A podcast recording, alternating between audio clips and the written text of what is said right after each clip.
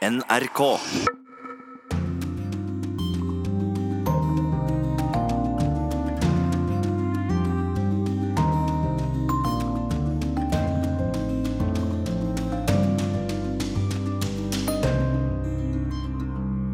Müller-rapporten er full av saftige detaljer om Donald Trump. Ingen straffbare forhold er avdekket, men fred får han ikke. Sør-Sudan får ny regjering neste måned, men neppe fred. NRK har møtt opposisjonslederen som ikke tør reise hjem. Afghanistan forsyner verden med narkotika, men de røyker også opiumen selv. Indias 900 millioner går til valg. Blant dem mannen som var den første velger i det første valget i 1952. Han er over 100 nå. Moderne slavehandel, sier myndighetene i Ecuador om forholdene på plantasjen til Norges generalkonsul. Velkommen til Urix på lørdag. Jeg heter Tom Kristiansen, og korrespondentbrevet det kommer fra Beijing. Müller-rapporten kommer ikke til å gi president Donald Trump fred. Den fastslår at Russland forsøkte å påvirke valgutfallet i Trumps favør, men sier også at verken Trump eller hans folk var innblandet. Likevel, rapporten har løftet lokket av en rekke forhold som setter spørsmålstegn ved Trumps dømmekraft og arbeidsmoral. Washington-korrespondent Veronica Westrin. Hva handler disse enkeltfunnene om? Det er jo mye som kommer fram i denne rapporten som er på 448 sider. Mye som var kjent fra før, men det er jo også en del ny informasjon. Fra før så var det bare et fire sider langt sammendrag av rapporten som var skrevet av Trumps justisminister William Barr som var kjent, der han eh, konkluderte med at Russland forsøkte å påvirke det amerikanske presidentvalget i 2016. Men at eh, det ikke da er bevis for et hemmelig samarbeid mellom eh, presidentens medarbeidere og Russland. Ei heller klare bevis for at Trump har hindret etterforskningens gang. Men så kom jo dette kravet om offentliggjøring, og det skjedde altså skjærtorsdag. torsdag. Og rapporten underbygger jo mange av de funnene som justisministeren la fram i sin eh, firesiders oppsummering, men så la den altså fram noen nye detaljer om hvordan Trump forsøkte å angripe etterforskningen. Noe av det som har fått mest oppmerksomhet, er jo at Trump i juni i 2017 skal bedt Det hvite hus-advokat Don McGahn om å ringe til den fungerende justisministeren og si at Mueller måtte fjernes fra stillingen sin fordi han var inhabil. Og etter dette så trakk jo McGahn seg fordi han, han ville ikke være med på det. Men så er det også en rekke andre juicy opplysninger som får mye oppmerksomhet. F.eks. at Trump skal bedt sin tidligere valgkampleder om å be tidligere justisminister Jeff Sessions om å si at russlandsetterforskningen var veldig urettferdig. Og ja, Han sier også at det er gode argumenter da, Mueller, for at Trumps sønn, Donald Trump jr., Eh, brøt loven om valgkampfinansiering, men at han ikke tror det er nok til å få han dømt. Men vil disse enkeltsakene, selv om det ikke påviser noe straffbart, svekke Trump? Ja, Nå konkluderer jo ikke Mueller i alle disse spørsmålene. Eh, og akkurat det er et vanskelig spørsmål å svare på om det vil svekke han. Jeg tror at blant eh, Trumps tilhengere så er ikke dette noe som svekker han. Kanskje heller faktisk styrker han, fordi han kan bruke dette til å angripe både pressen, som han mener har behandlet han urettferdig, og ikke minst eh, hele denne etterforskningen, som han jo hele veien har kalt for en heksejakt. Så blant Trumps tilhengere så tror jeg at denne rapporten blir sett på altså Det vet vi jo at den har blitt sett på som en stor seier, men at den også kan være med på å styrke hans eh, posisjon. Men så er det jo da Trumps motstandere som vil fortsette å bore i disse nye punktene som kommer fram. Og det er jo noe demokratene i Kongressen har varsla at de vil fortsette å gjøre. Representantenes hus skal jo granske Trumps administrasjon, familie og privatbusiness. Det høres jo skummelt ut for Trump. Ja, ja det er jo noe de iverksatte før, før dette. Og så gjenstår det å se hva den etterforskningen vil gi av resultater. Men det har jo vært gjort eh, mye gravejournalistikk på dette. Blant annet så publiserte New York Times i fjor en grundig gjennomgang av Trump-familiens business. Eh, men eh, det er ingen tvil om at denne støyen rundt Trump den vil fortsette også etter denne uken. Og demokratene har jo allerede krevd at Mueller selv vitner i Kongressen. Dagen etter at rapporten ble offentliggjort, så sendte Jerry Nadler, som er leder av justiskomiteen i Representantenes hus, en stevning til Justisdepartementet om å få den usladdede versjonen av rapporten og det underliggende materialet. Så de kommer jo til å fortsette å bore i dette. Han kalte jo også rapporten som et veikart til Kongressen. Han anklaget også på en pressekonferanse at eh, justisministeren for å beskytte presidenten og med vilje ignorere nøkkelfunn. Så han mener at eh, denne rapporten viser forstyrrende bevis for at president Trump engasjerte seg i å hindre rettens gang.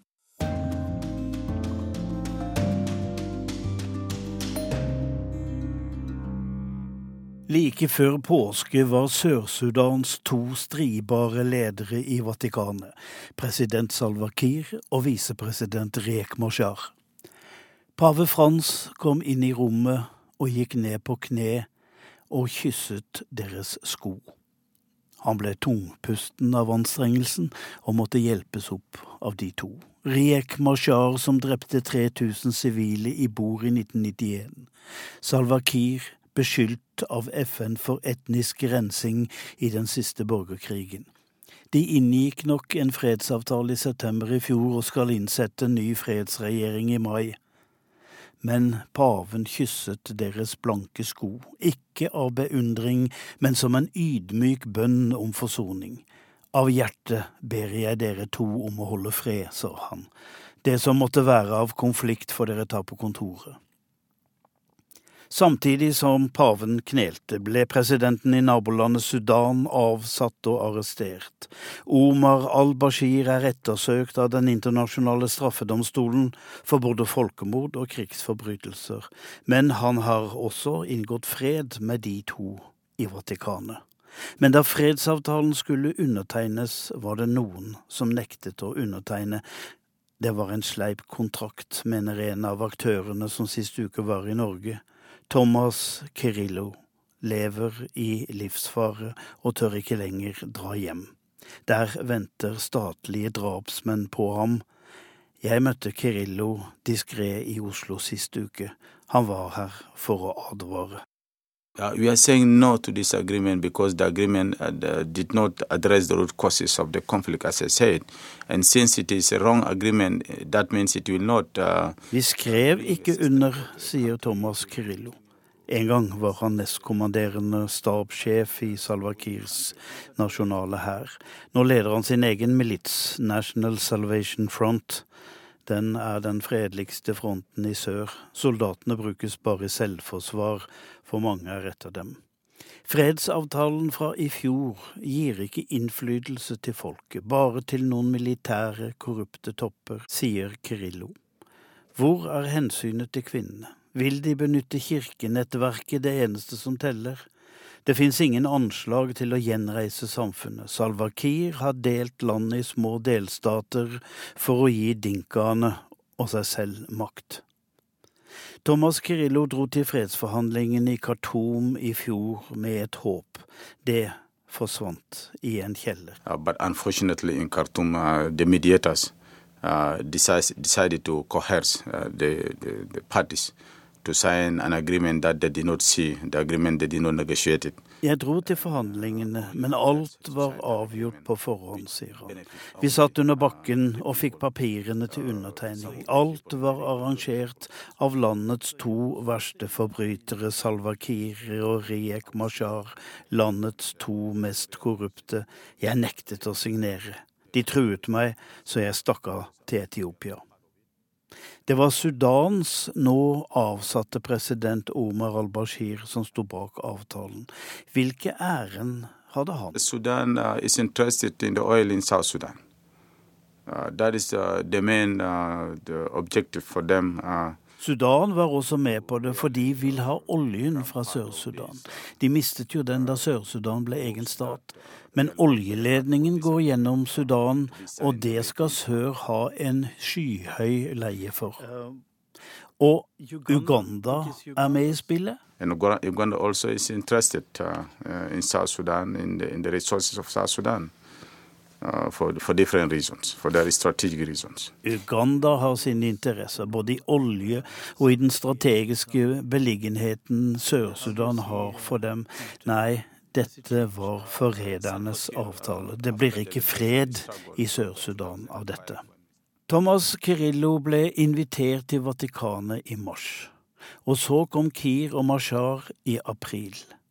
Paven sa til dem før han kysset deres sko, jeg tenker hele tiden på dem, de lidende sjeler i Sør-Sudan, og jeg ber om at krigens ild vil slukne, og at menneskene kan få vende tilbake til sine hjem og leve i fred.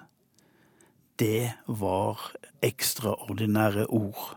Kan en pavebønn skape et under?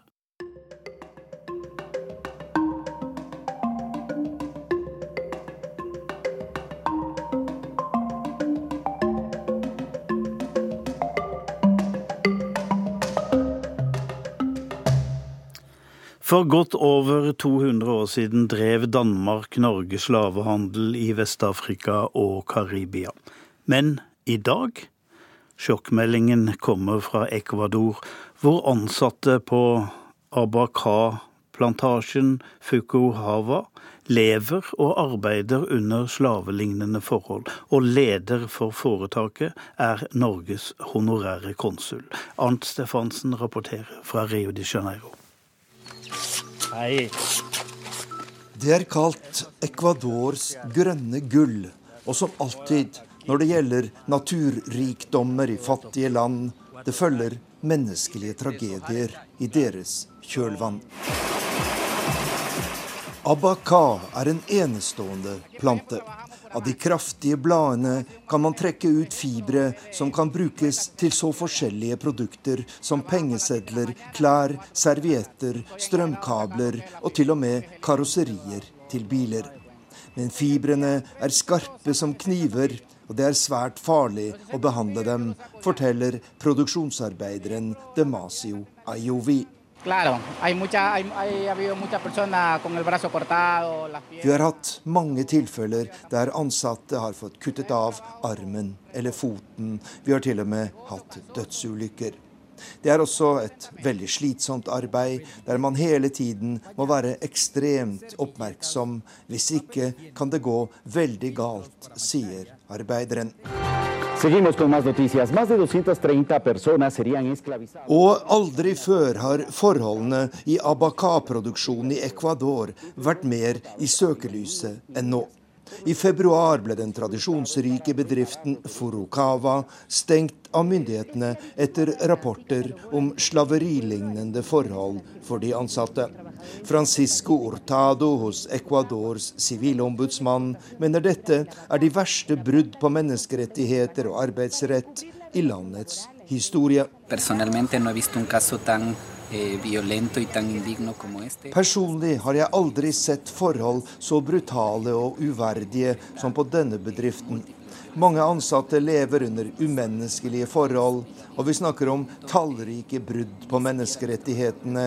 Jeg mener det er en skam at vi i 2019 har en bedrift i dette landet som behandler sine ansatte slik sier Francisco Hurtado, som er ansvarlig for menneskerettigheter hos Sivilombudsmannen i Ecuador.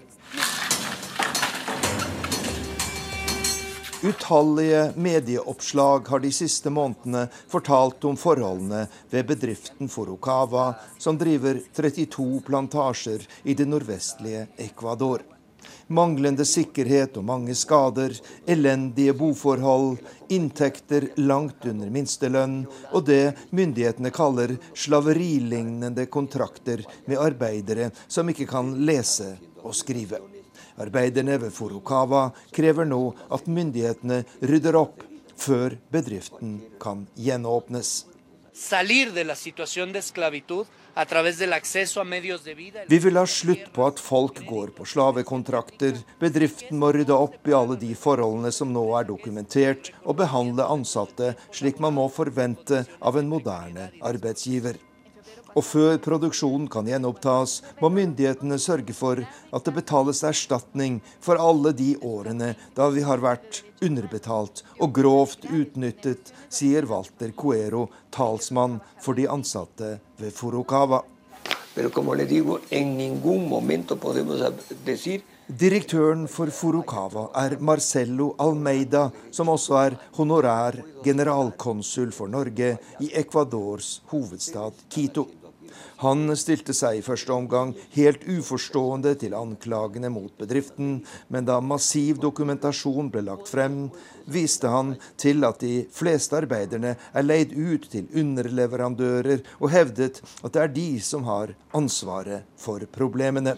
Por eso le estoy diciendo, vea, en lo que sea posible, yo quiero ir a verificar esto. Jeg ønsker å komme til bunns i disse tingene så langt det lar seg gjøre, sier direktøren i et intervju med nettavisen Plan V, som har gjort en stor innsats med å avdekke forholdene ved Furukawa. Og en rekke tiltak er iverksatt de siste ukene. Men det er fortsatt for tidlig å si om dette er nok til å tilfredsstille Ecuadors myndigheter og ikke minst de ansatte ved Furukawa.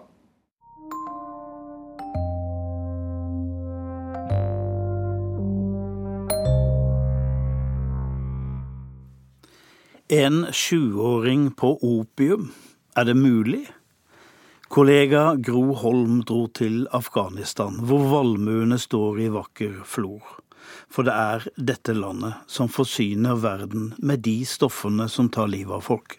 Men ikke all narkotika blir eksportert. De er blitt hekta selv. Afghanistan har tre millioner stoffmisbrukere. Gro Holm traff dem i Kabuls rennestein. Det er tidlig vår i hovedstaden Kabul. Sola skinner nådeløst på all dritten i det uttørkede elveleiet der byens narkomane har pleid å holde til, og som noen fortsatt nekter å fjerne seg fra, selv om politiet forsøker å jage dem.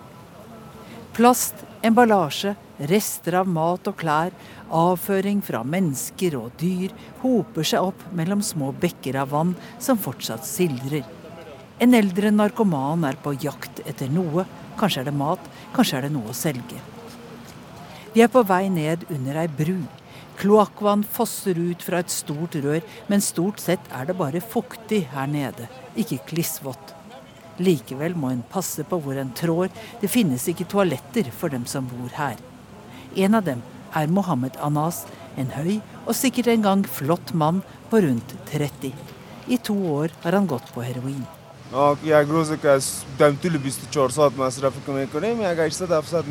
I løpet av ett døgn trenger jeg 700-800 afste stoff, forteller Mohammed Anas. Det svarer til omtrent 90 norske kroner. Han skaffer pengene ved å samle inn papp og papir som han selger til resirkulasjon. Hvis ikke vi får tak i penger, er vi bare helt desperate, sier han om seg og kameraten ved siden av. De er begge tullet inn i røde tepper, men det er få synlige fysiske spor av at Mohammed har vært narkoman og uteligger i to år. Han hadde en gang et annet liv.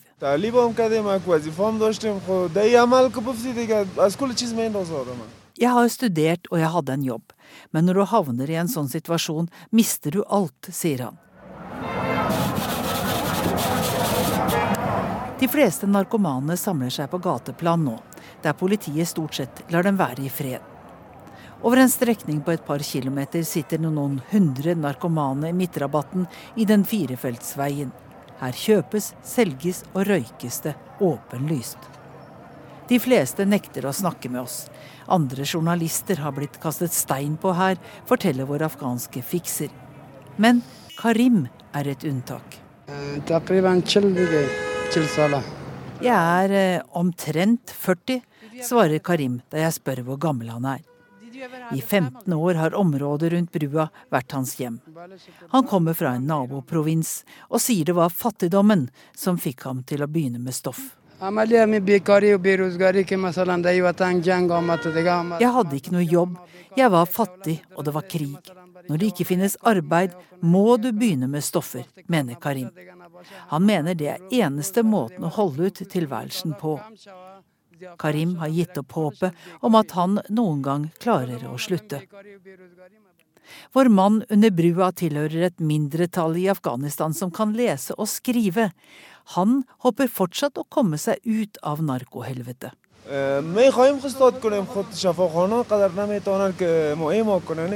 Jeg vil gjerne slutte, men sykehuset klarer ikke å hjelpe oss. En gang jeg var der, hadde de ikke nok mat, og jeg klarte ikke å slutte med heroin. Vi er på vei inn i et av Afghanistans rehabiliteringssentre for kvinner og barn. Det drives av afghanske myndigheter. Det vrimler av barn i gangene, og inne på et av rommene møter vi Masuma, en kvinne i 30-årene, sammen med datteren på 7-8 år. De har allerede vært her i tre måneder. Det var pga. datteren min at jeg havnet her. Hun truet med å forlate meg dersom jeg ikke sluttet med stoff. Hun sa at hun også kom til å bli stoffmisbruker om hun fortsatte å bo hos meg, forteller Masoma. En trapp leder opp til det som kalles barnehagen, men som egentlig er en slags skoleklasse for barn mellom 7 og 15 år.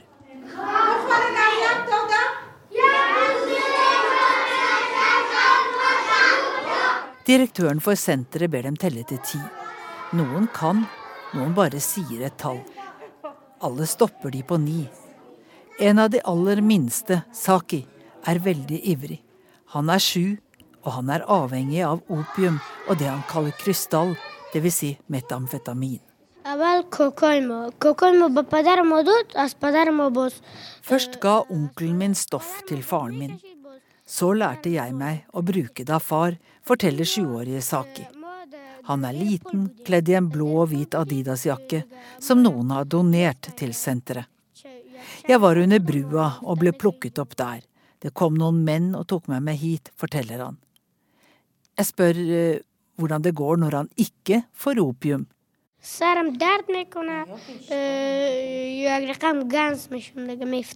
Jeg får vondt i hodet og blir svimmel. Så faller jeg på bakken, svarer sjuåringen. Men de fleste barna her er ikke selv narkomane.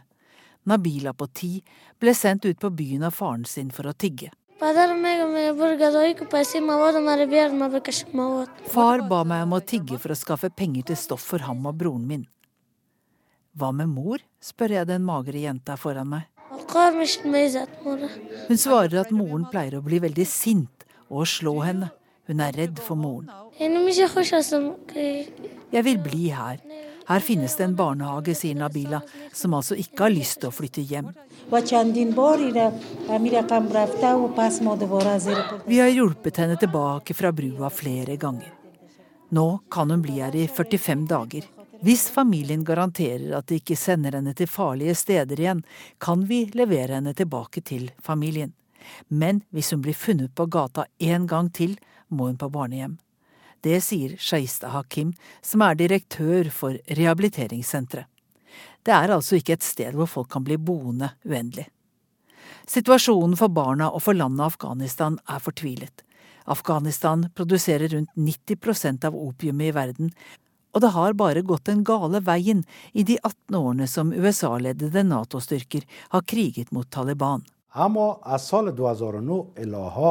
Fra 2009 til i dag har antall stoffmisbrukere økt fra 1 million til et sted mellom 2,4 og 3,5 millioner, forteller Shapoos Yusuf.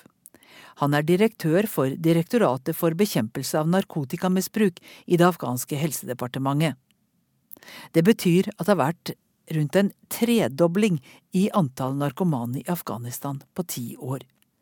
Veksten skyldes krigen, sier Yusuf, nå på engelsk there is a, a sheer uh, benefit between the, the uh, cultivator, between the Taliban, between the uh, armored. De drar nytte av hverandre, Taliban, den afghanske hæren og de som dyrker opium, sier direktør Yusuf. Med andre ord, også soldater som representerer den afghanske regjeringen, er involvert i opiumstrafikken. Opium er det som lønner seg mest å dyrke for mange bønder. Arealet med opiumsvalmuer er nesten firedoblet sammenlignet med 2001, da de vestlige landene angrep i Afghanistan. Det er ikke mye håp for voksne narkomane som har levd på gata i flere år. Men noen av ungene på rehabiliteringssenteret vil kanskje klare seg. 20-åringen på metamfetamin og opium vet i alle fall hva han vil bli. Jeg vil bli politimann, sier Saki. Om han altså overlever barndommen.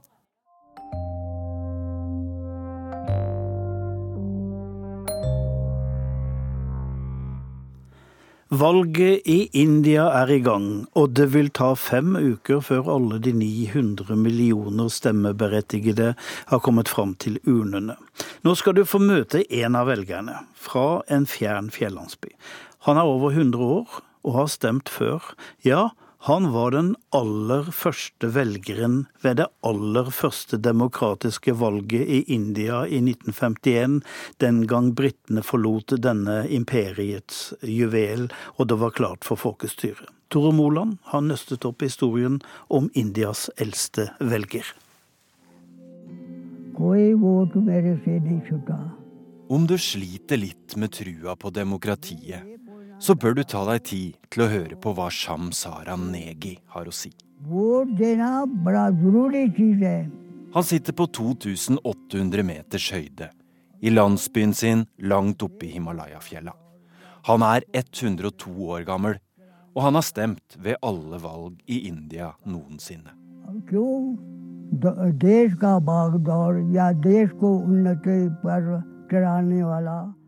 Til de unge vil jeg si at det er viktig å stemme. Hvorfor? Fordi det er sånn vi får lov å velge hvem som skal styre nasjonen, sier den gamle skolelæreren. Han har vært pensjonist siden 1975, men som olding har han nærmest blitt rollemodell og reklamegutt for indisk demokrati. Et time på, hum कई सौ सालों के बाद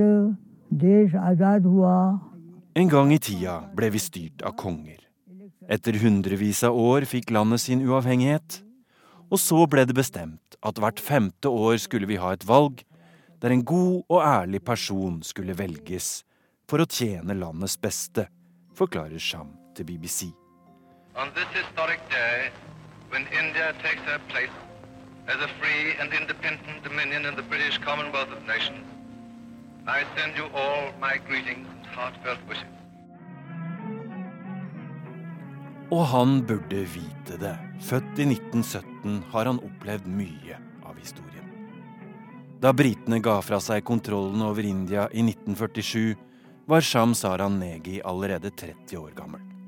Da det første parlamentsvalget etter uavhengigheten skulle holdes i 1952, var han førstemann som stemte. Ja, du hørte riktig. Han var den aller første som stemte ved et fritt og demokratisk valg i India. And then on the 25th October 1951, the great experiment unfolded. Among the first of our 175 million men and women to go to the polls were the hardy hill folk of the northern district of Himachal Pradesh. Fordi vintrene var så harde her oppe i fjellene, fikk provinsen Himachal Pradesh stemme fem måneder før resten av landet. 25.10 i 1951 avla Negi sin stemme.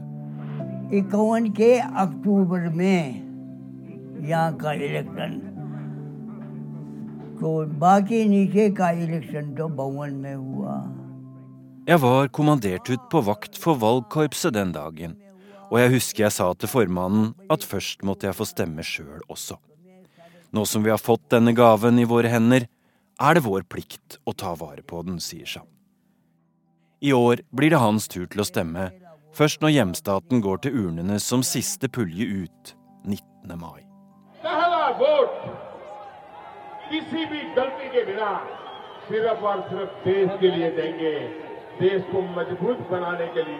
Med 900 millioner stemmer å kjempe om er parlamentsvalget i India det største valget i verdenshistorien. Statsminister Narendra Modi fra det hindunasjonalistiske BJP-partiet vant stort for fem år siden.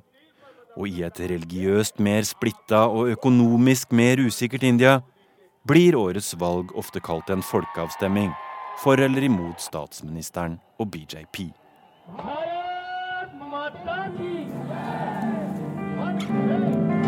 चाहे बर्फ पड़े या बारिश om det regner eller snør, lar jeg aldri være å stemme, sier Sham Saran Negi oppe i Himalaya, før musikken overtar og kameraet zoomer ut.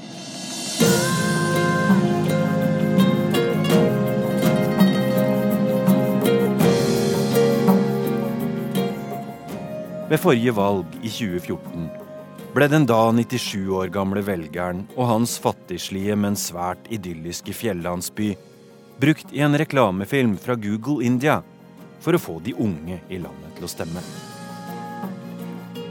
Etter det har Sham nærmest vært for politisk kjendis å regne. Og til og med en Bollywood-film har han og landsbyen fått en rolle i. Men da en lokal BJP-politiker forsøkte å bruke et bilde av ham i valgkampen, reagerte 102-åringen kjapt. Han skrev klagebrev til valgkommisjonen og sa han ikke ville brukes i partipolitisk reklame. Det var bare selve retten til å stemme, hans navn og hans ansikt kunne brukes til å promotere.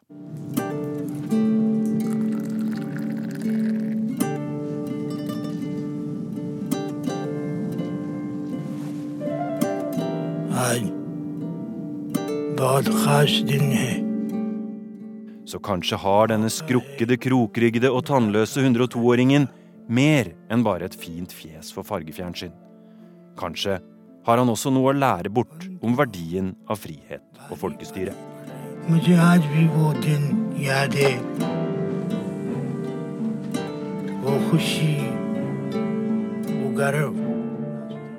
Selv sier han at han føler akkurat den samme gleden og stoltheten ved å stemme i år som han følte da han gjorde det for aller første gang i 1951.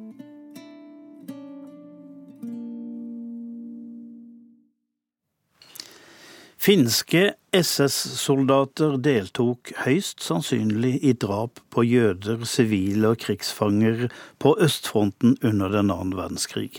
Det er konklusjonen i en rapport til den finske regjering. Det er professor Lars Westerlund som står bak rapporten om de rundt 1400 finske soldatene som ofte slåss sammen med norske SS-soldater under felttoget i 1941 de här finländska SS-frivilliga blev under de första krigsåren en, en viktig symbol för det nära militära och militärpolitiska och ekonomiska samarbete mellan fin den dåvarande finländska statsledningen och Tyskland. Vi har fått fotona ingår i, i Donkers dagbok, men han har Professor Lars Westerlund viser oss noen grusomme og til nå nesten ukjente bilder fra Ukraina sommeren 1941. På et av dem ser vi ukrainske nasjonalister som mishandler noen jødiske menn med stokker. På et annet ser vi to døde og sannsynligvis voldtatte kvinner i en seng. Bildene er tatt av Kai Dunker, finsk frivillig i divisjon Waffen SS. Og på bildene ser vi også soldater fra denne divisjonen som står og ser på det som skjer. Bildene er tatt i byene Solochif og Hosiatin og viser med all tydelighet at de finske SS-soldatene ikke var langt unna noen av de verste grusomhetene under annen verdenskrig, som skjedde etter at Tyskland 22.6.1941 gikk til angrep på Sovjetunionen, og der 400 finske og rundt 300 norske frivillige var med i fremste rekke under felttoget og der tusenvis av jøder, andre sivile og sovjetiske soldater regelrett ble henrettet.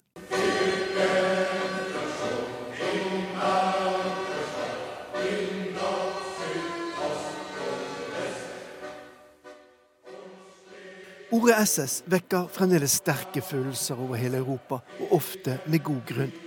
Det var rundt én million menn, de fleste tyskere, men også frivillige fra andre land, som deltok i disse avdelingene som i denne sangen synger om hvordan de marsjerer over fremmed jord mens djevel ler. Da Tyskland gikk mot nederlag i 1945, brente eller ødela mange av SS-soldatene alle bevis som kunne fortelle at de hadde deltatt i disse avdelingene. Men det skjedde ikke med de finske frivillige, som i 1943 ble tatt tilbake til Finland. Som den gangen var alliert med Tyskland, først og fremst av taktiske grunner, for å forsøke å ta tilbake områder som var tapt etter at Sovjetunionen i 1939 gikk til angrep på landet under det som vi i dag kjenner som vinterkrigen. Vi har et, et utomordentlig stort kjellunderlag som delvis er unikt med de her mange bevarade dagbøkene som er skrivna av finländska SS-frivilliga. Førsteamanuensis Sigurd Sørli ved Institutt for forsvarsstudier er kanskje den i Norge som kjenner best til historien om de norske SS-soldatene.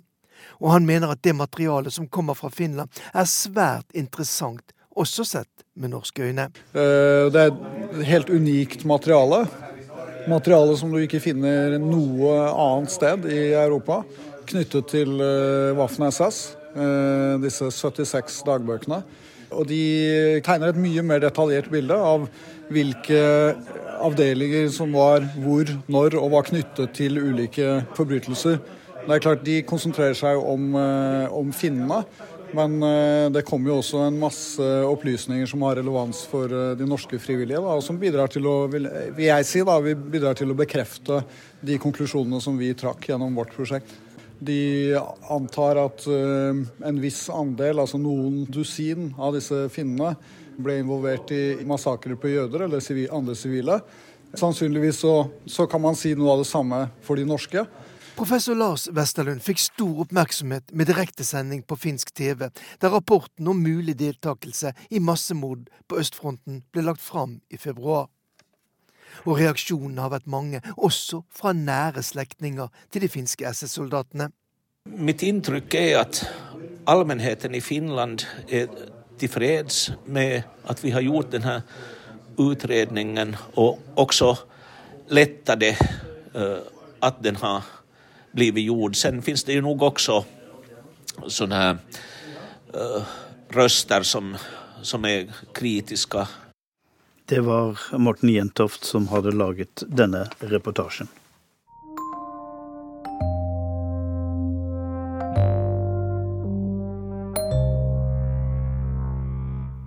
Det var en varsler som avslørte den sveitsiske storbanken UBS for noen år siden.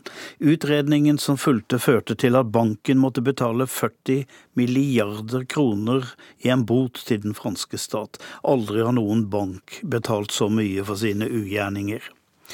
Det var den 54 år gammel Stephanie Gibault som varslet. Hun avslørte hvitvasking av penger og skatteunndragelser i skatteparadisene. Det pleier å gå dårlig for varslere, men ikke for Gibault. Nå sikter hun mot EU-parlamentet, den europeiske banklobbyen. Vi skjelver, sier hun, for hun har mer å avsløre. It's uh, creating a citizen lobbying versus the bank lobbying. Well, hopefully I will not be alone. Mitt mål är att starta en internationell medborgarrörelse mot bankvärldens makt. Den ska även arbeta mot korruption bland Europas politiker. All these corruption cases happen because of politicians. Det säger varslaren Stéphanie Gibault. Hon spelade en avgörande roll i rapporteringen om hur banken UBS ägnat sig åt skattebedrägerier och vitvasking. 54-åringen vill nu bli politiker och hon är nummer två på listan Debout la France, Stå upp Frankrike. Partiet framför ofta högerpopulistiska budskap. Uh, Debout la France, Stand up France. Varslare har kjempet mot bankkriminalitet, domstolarna har dömt til straff Og politikere har lovet forbedringer. Men ett plus ett plus ett har ikke lett til å få slut på elendet, sier hun. I alle EUs medlemsland samt i Norge og Schweiz bør vi nå stå enade og ta i med hårdhandskarna mot bankkriminaliteten, mener hon. One plus one plus one doesn't make things happen. So we all have to stand together, united. So if you have Norwegian people helping and if all Europavalslistan Stefanie kandiderar för leds av politikern Nicolas Dupont-Aignan. I det förra franska presidentvalet stödde han överraskande yttersta högerns Marine Le Pen i duellen mot Emmanuel Macron, som dock vann. Vårt mål är att svara på en djupt liggande känsla hos många människor av att inte längre synas av eliten, menar hon. It's a question of being respected. I think this is it, that the people be respected. Stephanie Gibault arbetade som marketingansvarig under ett tiotal år på UBS i Frankrike. Den schweiziska banken hjälpte rika franska klienter att undvika skatt i hemlandet och tvättade vasket sedan överskottet. En dag blev jag tvungen att hjälpa de franska skattemyndigheterna med uppgiften att spionera i banken, berättar hon och medger att hon var mycket rädd. Året var 2008. During a whole year, I had to come to those people, so to the customs office, with information belonging to the servers of my uh, French Minister of Finances. Yeah. So somehow they have turned me into a spy. Stefanie spelade en avgörande roll för skattemyndighetens inspektörer och UBS kom att avslöjas. Utredningen pågick i åtta år. Stefanie har skrivit två böcker om sina tunga erfarenheter. Hon kämpar nu för ersättning för sina insatser för den franska staten men har ännu inte fått någon kompensation. I februari kom en fransk domstol med sitt utlåtande på 217 långa sidor. Banken ska betala 4,5 miljarder euro, cirka 43 miljarder kronor, till den franska staten. Det är ett rekordhögt straff som världen sällan skådat tidigare, kommenterar Stefanie. This bank here had the biggest fine ever. Let me repeat the figure 4.5 billion euros. Banken UBS planerar att överklaga domen. Nicole Marie Meyer arbetar på Transparency International. Hon är även chef på Varslenes hus i Paris som lanserades i januari 2019. Det är en stödorganisation för varslare. Så här säger hon om nyheten att den före detta varslaren Stéphanie Gibault nu är politiker och vill in i EU-parlamentet. Les lanceurs d'alerte ont tous en commun le fait de vouloir faire prévaloir l'intérêt général sur des intérêts privés. Alla varslare har som mål att se till att allmänhetens intresse väger tyngre än en politikers, bankmans eller industrimagnats privata intressen. Att en varslare nu blir politiker och kan komma in i EU-parlamentet är att gå i rätt riktning. Hon säger jag tror att det även kommer att påverka länder som Norge och Schweiz.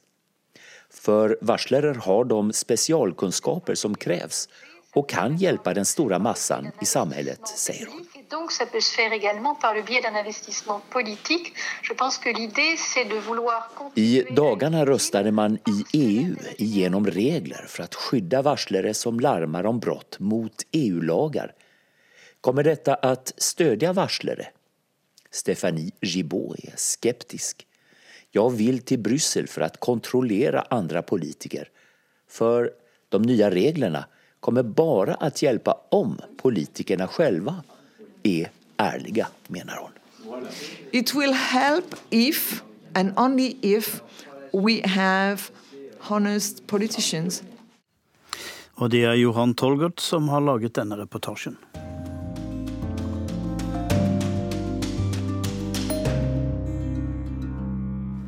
Fjellvandring på Sinahalvøya, er det kun for machomenn?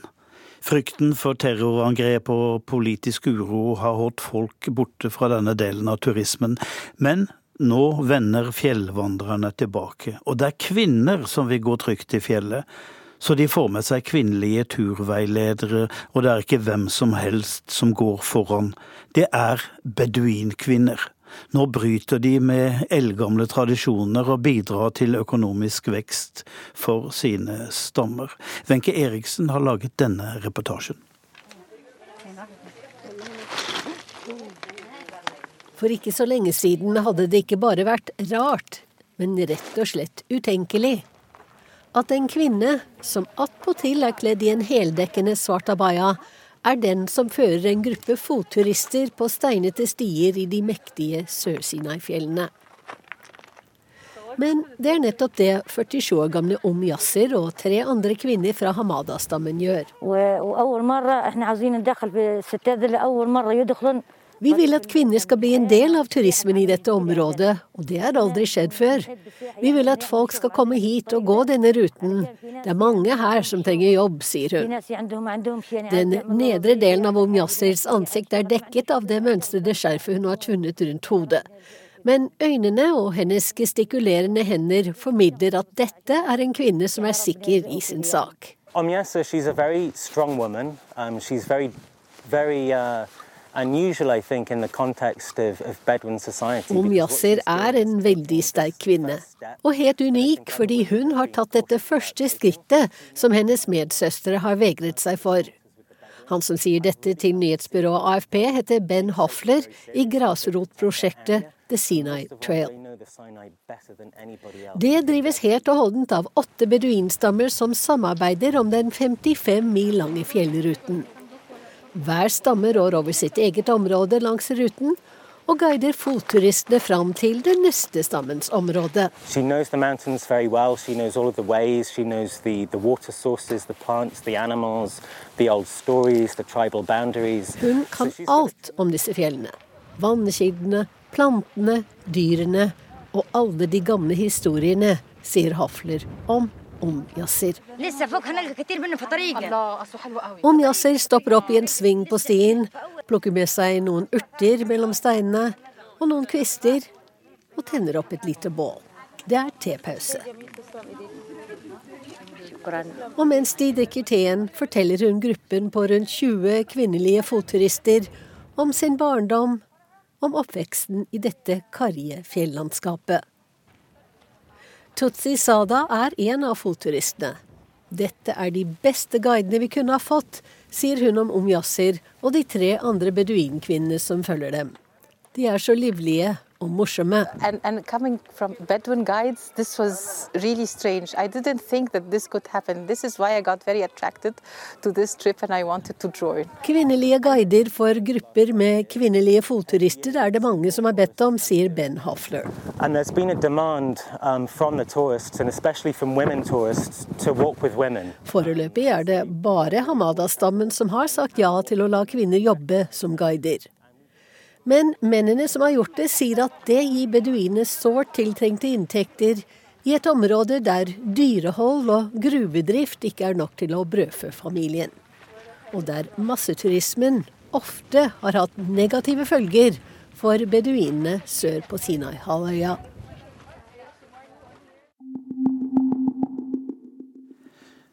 Brevet kommer fra vår korrespondent i Beijing, men det handler om Pyongyang. Reporters Without Borders har satt Nord-Korea på bunnen av statistikken over pressefrihet, Norge på topp. Og hvordan går det da, når en reporter fra verdens frieste land besøker verdens verste? Kjersti Strømmen hadde anstrengte dager med regimets oppasser. Jeg må be deg ikke å rapportere om dette, sa herr Ju med et lite usikkert smil, men det kunne jeg ikke love. Jeg sto i den mørke, kalde hotellgangen med like kaldt og vått hår, mildt sagt vonbråten over at den etterlengta dusjen var blitt avbrutt etter ett minutt. Ju var vår guide på en nylig reportasjereise i Nord-Korea. I dette landet får vi ikke gå alene, men må alltid ha med oss en person som ikke bare ser til at vi har mat, en plass å bo og kommer dit vi skal, men som også er den som sier ja eller nei til alt. En oppasser. Fordi vi fikk så mye nei, kunne vi ha kalt han herr Streng, men Ju er også en likende kar, velsigna med en stor porsjon humoristisk sans. Han spøkte ofte på vegne av seg sjøl og til fordel for si kone. Denne kvelden hadde han lova meg varmt vann, noe jeg hadde blitt lova i fire dager.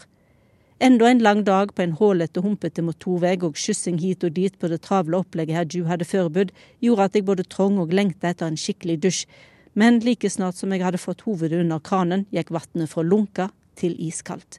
Da marsjerte jeg ned gangen og henta Haju. Han så uvanlig spak ut, da fatta jeg at han likte dette enda dårligere enn meg. Haju brukte nemlig mye krefter på å servere et glansbilde av Nord-Korea, slik som dette var en strek i regninga og tok seg ikke godt ut. Jeg beit tenna sammen og tenkte at vi hadde nok av kamper på denne turen. Jeg skal ikke klage, sa jeg, jeg er fullt klar over at landet har strømmangel, og da er det vel få nordkoreanere unt å få en varm dusj. Det var bare det at jeg hadde gleda meg så veldig. Nå trakk herr Ju et letta sukk, og ansiktet hans lyste opp. Journalister er merkelige skapninger, sa han og lo. Dårlige tilstander på hotellet går bra, men om de ikke får filme der de vil og stille spørsmåla de vil, er det aldeles krise. Han hadde rett. I flere dager hadde vi på alle mulige vis prøvd å overtale Ju til å la oss filme for oss helt opplagte ting, men som han mente Nord-Korea ikke hadde noe å vinne på å vise fram. Vi fikk se eksempel på hvordan det de kaller arbeiderne sitt paradis tar vare på sine borgere med gratis bostader, sykehus, skolegang, mat og øl til alle. Blomefestival, nasjonalfeiring og synkronsumjing fikk vi glatt servert, men da vi ville filme kraftstasjonen i Pyongyang, sa han nei, det var for stygt. Den svarte røyken som forurener hovedstaden er ikke et fint syn, nei, men det er også en realitet at forstaden til byen er mørklagt om kvelden fordi det ikke har nok strøm, protesterte vi, til ingen nytte. Herr Ju hadde fortalt oss at de arbeider med å lage et nytt kraftverk, og at strømmen i framtida skal komme fra fornybar energi. Det var jo noe vi kunne fortelle, og vi bare fikk bildet til å illustrere samtida med, men nei. Haju fortalte at han gjerne ville vise folk det egentlige Nord-Korea, men at han ikke stoler på utenlandske journalister. Det er helt absurd hva noen kan finne på å skrive, mente han. Ju fortalte at ifølge en utenlandsk artikkel var alle som en av passasjerene på T-banen i Pyongyang statister. Er det mulig å sende en halv million mennesker ut som skuespillere hver dag, spurte han retorisk. Vi var også på T-banen. Da var det en mann som klødde seg i baken medan han spurte ei stram konduktørdame om et eller annet. Noen leste aviser som var utstilt i glassmontrer. En gjeng unge gutter ble overraska, men bukka høflig da jeg sa hei på koreansk. Jeg ville fotografere toget som kom inn på stasjonen, men da drog en av Ju sine kollegaer meg i armen og sa at jeg ikke fikk ta bilde av personen som sto før meg i togretninga, for han var for rufsete kledd. Det virka ikke spesielt regissert, heller ikke når folk sprang etter bussen i rushtida, men vi fikk så mange nei at det var nære på at vi begynte med sjølvsensur. Nei til å spørre vanlige folk om hva de mener om den amerikanske presidenten og Nord-Koreas framtid i verden, for de er ikke statsvitere. Nei til å filme den hullete motorveien, og nei til å filme landskapet underveis. Det var en kamp, men noen ganger nytta det med diskusjon. Da vi hadde vært på besøk i en modellandsby for jordbruk og ville fotografere et flott motiv av en mann på ei kjerre som ble dratt av en okse, ble vi stansa med ordren 'ingen filming av slike enkle forhold'. Etter å ha presentert en rekke argument, fikk vi likevel retta kamera mot jordene der bøndene brukte hakke og spade. Herr Ju gikk omsider også med på å stanse bussen og slippe oss til da vi så folk måke motorveien fri for snø, mil etter mil med ren håndkraft. Han hadde jo sjøl gang på gang fortalt oss hvor viktig mantraet sjølberging er for Nord-Korea. Vi er sterkt sammensveiste, og vi klarer oss alltid, uansett motgang, sa Ju.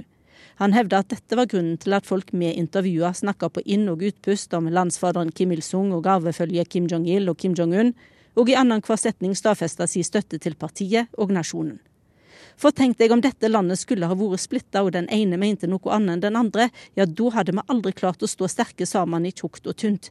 Da hadde nordkoreanerne ikke overvunnet invasjon, sveltkatastrofe og krig. Da ville utenlandske imperialistiske krefter ha funnet svake punkt og tatt seg til rette, mente Ju, og hevda at alle som en var samde med han. Derfor mente Ju også at det var svært uhøflig, ja rett og slett frekt, når vi spurte en general på den nordkoreanske sida av den demilitariserte sona om det kunne bli flere soldater som hoppa av noen av våpna i dette området er nedlagde. Ingen stikker av fra vårt land med mindre de er kriminelle. Ferdig med den saka, sa Ju bruskt. Sjøl hadde han i sin ungdom et håp om å bli en verdenskjent vitenskapsmann, men han kom ikke inn på det prestisjetunge Kim Il-sung-universitetet. Derfor ble han byråkrat i stedet, og nå hadde han i tre år hatt jobben som daglig leder for et reisebyrå som tar med turister, og noen ganger journalister på tur. Han hevda vi ga han hovedpine. Turister er langt enklere. De ber meg ikke stanse bussen i tide og utide og kreve alt annet enn det jeg har planlagt, sukka han og lo. På en skole intervjuet jeg en tenåring som også drømte om å bli vitenskapsmann. Det hender at folk som utmerker seg i Nord-Korea blir premiert med fine gaver, som til dømes en bil. Jeg spurte ungdommen om slikt motiverte han. Jeg vil bare gjøre en innsats for landet vårt, sa gutten. Senere sa Ju at han nesten ikke trodde sine egne ører da jeg stilte dette spørsmålet. Det fatter ikke at det er nasjonens ve og vel som er innbyggerne si drivkraft. I vårt land er kollektivisme helt ekte, formante han. Jeg spurte om han kjente til arbeidsleirer, noe Nord-Korea har blitt sterkt kritisert for. Forholdet er, eller skal ha vært, umenneskelige, men som mangt annet med landet er det ikke lett å finne troverdige kjelder på den faktiske situasjonen i dag. Svaret hans var at det er dårlige folk også i dette landet, at så vidt han visste er arbeidsleirene mildere enn fengsel, men at han aldri har vært i en slik leir, og voner for all del at han aldri trenger sette beina sine en slik plass. Han hadde svar på det meste, herr Ju, og han hadde alltid en vits på lur. Men da det tikka en melding til oss journalistene om at Nord-Korea for første gang vedgår svelt i landet, så han på meg med et blankt blikk som tilsa at dette visste han ikke. Da ble han taus. Vi var blitt fortalt at de økonomiske reformene gjør at folk får beholde overskuddet av det de skaper eller produserer, og at alle har lik sjanse til å lykkes i Nord-Korea. Fordi vi hadde vært på restauranter med nordkoreanere, var det tydelig for oss at akkurat det ikke var helt sant. Vi prøvde å få herr Ju til å forstå at det ikke er bra når vi bare får se glansbilder, for det er ikke troverdig at landet er perfekt. Mangelen på balanse dyrker et tomrom som på et eller annet vis må fylles. Da har vi ikke annet enn det vi har hørt fra andre, fra avhoppere eller utdaterte kjelder. Vi trenger å se ting sjøl, sa vi. Slike diskusjoner var for det meste nytteløse, men det var ofte tydelig at ønskene våre tynga herr Ju, for det var ikke bare nei. Det var også ja som ble til nei etter at han hadde fått andre ordre. Kanskje er nettopp det et tegn på at også Nord-Korea er i endring, at det er en dragkamp mellom det som var og det som skal bli. Da Herju tok farvel, minnet han meg på at nordkoreanske diplomater helt sikkert ville få med seg hva jeg rapporterte. Jeg burde ha det i minne om jeg ville komme tilbake en gang. Det går helt fint, svarte jeg. Om de liker det eller ikke, det får bli deres sak. Om de vil ha meg tilbake eller ei, får også bli deres sak. Kanskje vi sees igjen, kanskje ikke. Trolig var han sjøl ganske nøyd med at de to kvinnelige korrespondentene fra NRK og SVT endelig skulle la han få litt fred for all slags insistering. For da vi var tilbake på våre kontor, fikk vi viderefortalt følgende hjertesukk fra herr Ju. Helt siden jeg ble gift har jeg tenkt at det ikke finnes noen jeg kommer til å frykte mer enn min kone, men nå har jeg forstått at det finnes andre kvinner i verden det er mer grunn til å frykte. Det var Urix på lørdag. Fortsatt god påske.